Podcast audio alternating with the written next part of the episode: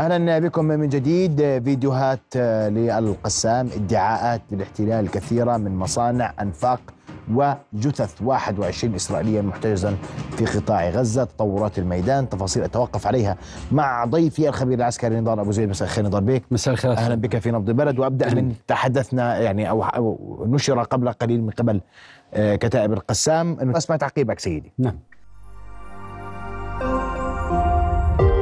رؤيا بودكاست. يعني أستاذ محمد بداية مساء الخير أنت ومتابعيك الكرام. لا تزال المقاطع آه، ترد وتتكرر من قبل المقاومة والملفت في هذه المقاطع أنه رغم انقطاع الاتصالات ورغم انقطاع الإنترنت منذ تقريبا أطول مدة حدثت في قطاع غزة منذ ست أيام إلا أن المقاطع لا تزال تتوالى استهداف المقاومة لمجموعة من جنود الاحتلال داخل المبنى يشير أيضا إلى ارتفاع خسائر قوات الاحتلال، المقاطع التي ظهرت اليوم آه، ويبدو أنها آه، النزر اليسير الذي ظهر من هذه المقاطع تشير إلى أن خسائر قوات يعني الجندي واضح موقعه والضرب مباشر.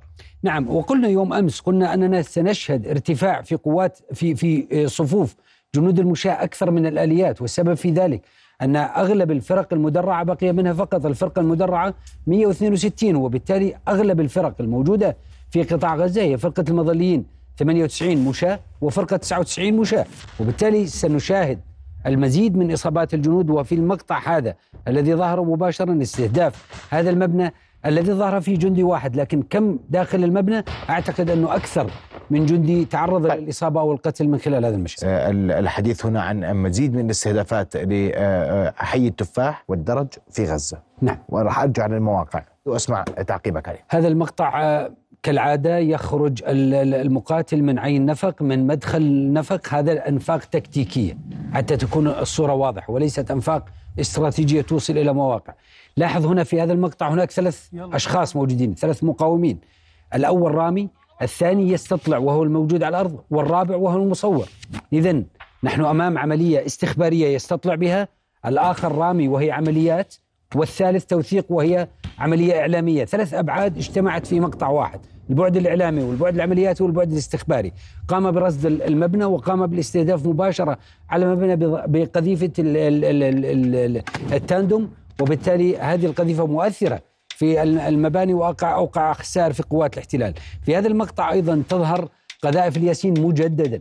105 استهدفت فيها آليات قوات الاحتلال أو مدرعات قوات الاحتلال وتابعت أيضا المقاومة. هذه العملية رصد آه، عملية الإنقاذ والإخلاء للجنود وعملية وصول الطائرة لإنقاذ الجنود. يعني هذه عملية متكاملة الأركان تحمل ثلاث أبعاد رئيسية وبالتالي تعزز ما كنا نقول به أن المقاومة تقاتل بثلاث أبعاد في كل عملية في كل مقطع.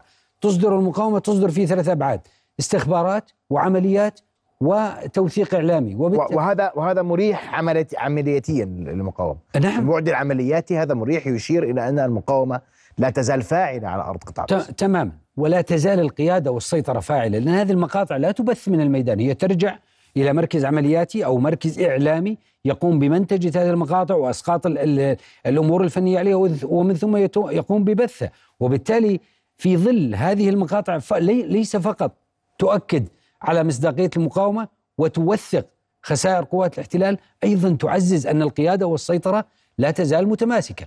أنا في كل حلقة من حلقات نبض البلد أركز على موضوع القيادة والسيطرة لطرفي الأزمة، لطرفي المعركة، لأن القيادة والسيطرة هي أهم بند من بنود المعركة، إذا انهارت القيادة والسيطرة في أي جزء من أجزاء هذه المنظومة العملياتية على أرض الواقع تعطينا مؤشر على أن أين تتجه العمليات؟ ومن سيخسر في العمليات. وبالتالي لغاية هذه اللحظة القيادة والسيطرة متماسكة لدى المقاومة وتتمتع بقدرة عالية على التعاطي مع العمليات على ميدان ومسرح عمليات غزة. طيب. نتابع أيضا آه، فيديو لنشرته قوات آه، الاحتلال اليوم قبل أن أسمع تعقيبك على مناطق الاشتباك نعم. عشان أكون معك دقيق. وهذا مرة أخرى استعراض لأنفاق فارغة. لازلنا آه، المقاومة تبث مقاطعها توثق عملياتها تعطي مصداقيتها ويقوم الاحتلال بعدها ببث مقطع عن الأنفاق. وكأن غزة لا تحتوي على أي أهداف سوى الأنفاق. طيب بس هذا النفق في نهاية هذا الفيديو يظهرون صواريخ المقاومة. وأظهر قبل ذلك في أحد الأنفاق مصنع ادعى الاحتلال أنه مصنع لتصنيع الأسلحة وتصنيع الصواريخ. وبالمناسبة ذلك المقطع كان في شمال قطاع غزة. وأطلقت المقاومة بعدها رشقة صاروخية من شمال قطاع غزة. بس هل هذه صواريخ المقاومة قد تكون هذه صواريخ تحت التصنيع تحت التصنيع وليست صواريخ جاهزة للإطلاق. وقد يكون هذا المقطع بالفعل موجود للمقاومة نفق للمقاومة. لكن أستاذ محمد نحن نتكلم عن عمليات في ظل ماكنة عسكرية ضخمة لقوات الاحتلال موجودة في قطاع غزة. هل يعقل حتى نكون موقع موضوعيين في طرحنا. هل يعقل أن الاحتلال لا يستطيع تحقيق إنجاز؟ هذا ليس إنجاز. هذا هدف قد يكون الاحتلال وصل له. لكن هل هذا النفق نفق استراتيجي من شبكة أنفاق المقاومة؟ أعتقد من خلال المشهد نستطيع أن نصل إلى أن هذا آه، نفق تكتيكي أنشئ لفكرة معينة قد تتعلق بموضوع تجهيز الصواريخ أو القذائف للمقاومة. لكن أعتقد أن هذه المشاهد آه، هي عبارة عن أهداف لقوات الاحتلال استطاعت الوصول لها لكن لا تعطي قيمة مضافة للاحتلال. يمكن أن نقول أن الاحتلال حقق شيء ما داخل قطاع غزة في ظل الخسائر التي يتعرض لها. لكن هو سيصور هذا الأمر عنه إنجاز واكتشف بالتأكيد. ما تصنع فيه الصواريخ التي تقصف آه، تل أبيب. بالتأكيد صحيح. هو بالتأكيد هو سيصدر وبالتأكيد هو سيبحث عن أي إنجاز يذكر. في ظل المقاطع التي يراها الشارع الإسرائيلي ويراها جنرالات جيش الاحتلال هو بالتأكيد سيقوم ببث مقاطع من هذه المقاطع. وبالتالي أنا أعتقد أن هذه المقاطع قلت لك أنها لا تندرج في إطار الإنجازات الميدانية. هي أهداف تكتيكية استطاعت قوات الاحتلال الوصول لها. عندما أقول إنجاز وهدف الإنجاز هو في المستوى الاستراتيجي. عندما نقول أنه وصل لشبكة أنفاق تؤثر على منظومة القيادة والسيطرة على المقاومة لكن هل هذا النفق أو هذا المقطع يؤثر على منظومة القيادة والسيطرة لدى المقاومة؟ أنا أعتقد الإجابة واضحة لا. كم الصواريخ؟ كبير. أنا بدي أحكي أنت بتحكي إحنا دائما بنقول نحكي بواقعية. نعم.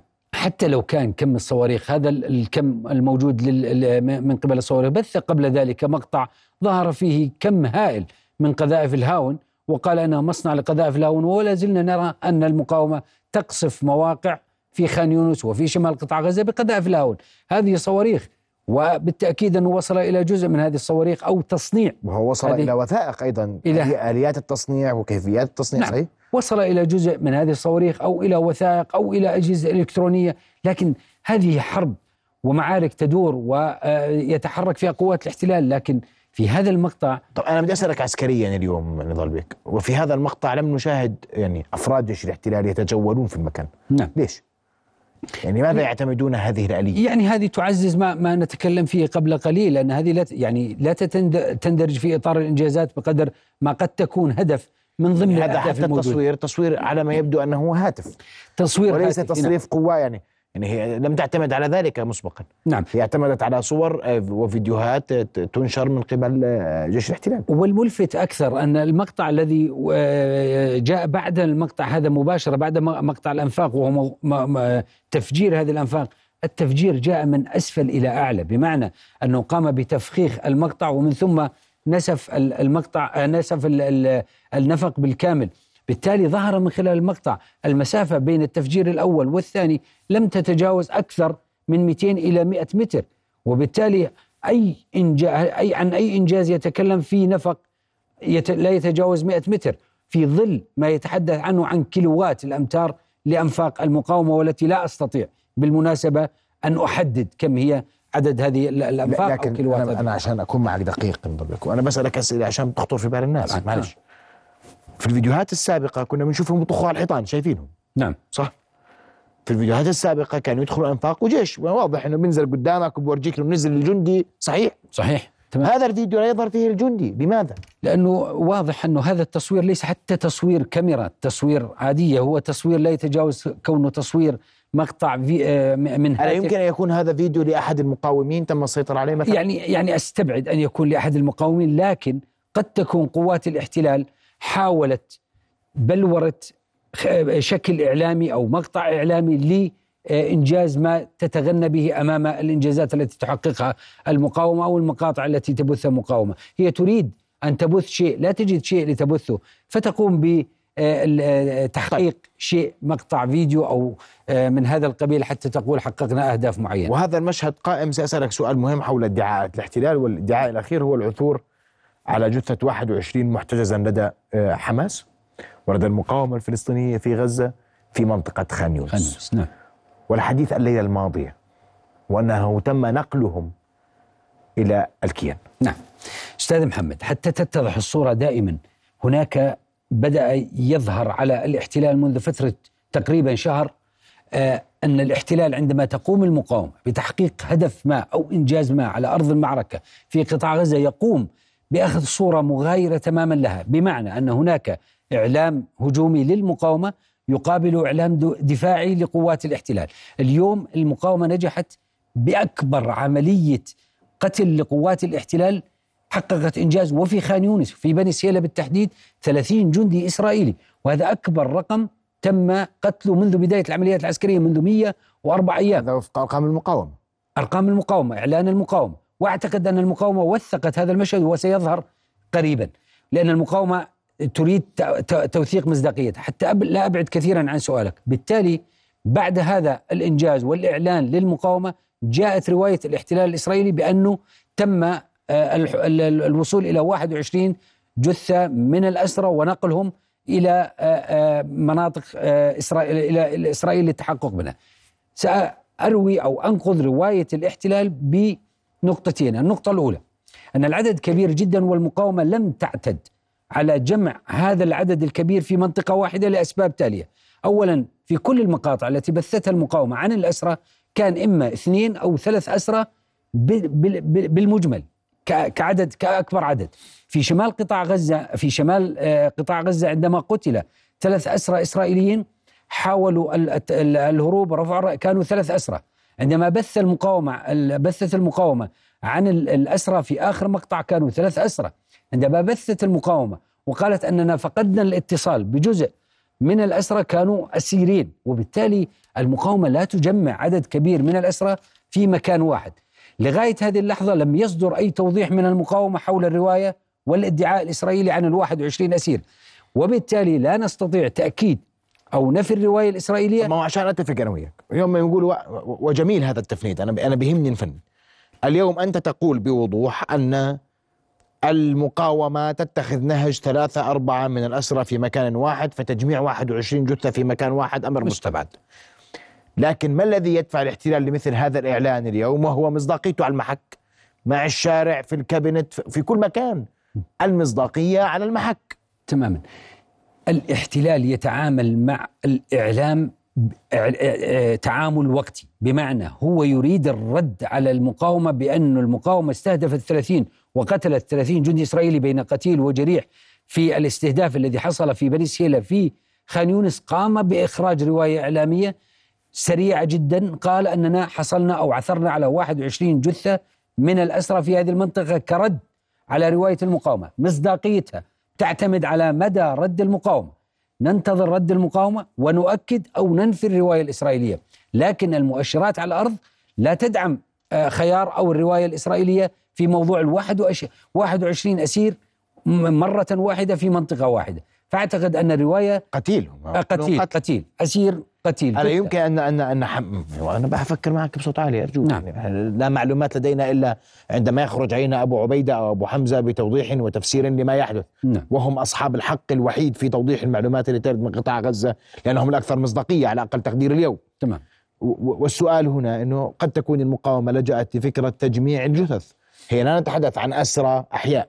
هو يتحدث عن 21 جثة في مكان واحد في, نعم. في مقبر نعم. وقام بنشر بنبش المقابر ب ب ب وظهرت مقاطع لقوات الاحتلال تقوم بنشر الم... بنبش المقابر في مناطق خان يونس سواء في الشمال أو الشرق أو الغرب. لكن هل هذه الجثث لأسرى؟ لا نستطيع أن ننفي أو نؤكد لحين صدور الرواية المقاومة لتنفي أو تؤكد. نحن نتكلم عن رواية من طرف واحد وهي رواية الاحتلال. موضوع وجود 21 جثة لأسير في موقع واحد يعني أنا أستبعد هذه الرواية لأنه لم يعتد على المقاومة منذ 104 أيام أن آه، قامت بتجميع حتى ولو الجثث للأسرى في مكان واحد آه، دفعة واحدة لعدد لهذا العدد الكبير من الأسرى طيب آه، أنا آه، يعني آه، سأتوقف عند هذا الحد اليوم إلا إذا عندك تفضل عندك ملاحظة تفضل ثلاث نقاط ولن ثلاث نقاط، أطيل يلا. ثلاث ماشي. نقاط ولن أطيل حاضر نشاهد عمليات في شمال قطاع غزة مم. الآن جبا مربع جباليا حي الدرج حي التفاح عاد من جديد وعادت العمليات إليه من جديد. وهي المقاطع اللي شاهدناها اليوم. تماما. ال- الآن الاحتلال أمام ثلاث خيارات. إما آه، إعادة الزج بقوات جديدة ليحفظ ماء وجهه في شمال قطاع غزة. وإما آه، سحب القوة الموجودة حتى لا تقع بخسائر كبيرة لأن المقاومة يبدو أنها أعادت بناء نفسها في شمال قطاع غزة تحت أنظر آه، تحت نظر. وسمع قوات الاحتلال أو أن الاحتلال سيقوم بوقف العمليات في شمال قطاع غزة. الرواية رواية وزير الدفاع الإسرائيلي حول السيطرة على شمال قطاع غزة وتهشيم الهيكل التنظيمي للمقاومة وإنهاء العمليات في شمال قطاع غزة نفتها المقاومة من خلال ما يحدث الآن في شمال قطاع غزة. بالتالي قوات الاحتلال تتآكل شمال قطاع غزة. الفرقة 162 مدرعة تقاتل منذ 104 أيام لديها خسائر كبيرة. أرهقت أجهدت ال- الجنود الموجودين فيها. هل تستطيع الصمود أمام إعادة بناء المقاومة لنفسها؟ هذا ما تثبته الأيام القليلة القادمة. خان يونس أيضا تقاتل بشدة. عمليات التفاف واسعة إلى غرب خان يونس. وأعتقد أننا بعد عودة الأنترنت والاتصالات من الانقطاع في قطاع غزة سن- سنشاهد الكثير من خسائر قوات الاحتلال وبالتحديد في شمال قطاع غزة. أشكرك كل الشكر ضيفي الخبير العسكري والاستراتيجي نضال أبو زيد. شكرا جزيلا لك. كل الشكر أستاذ محمد. رؤيا بودكاست.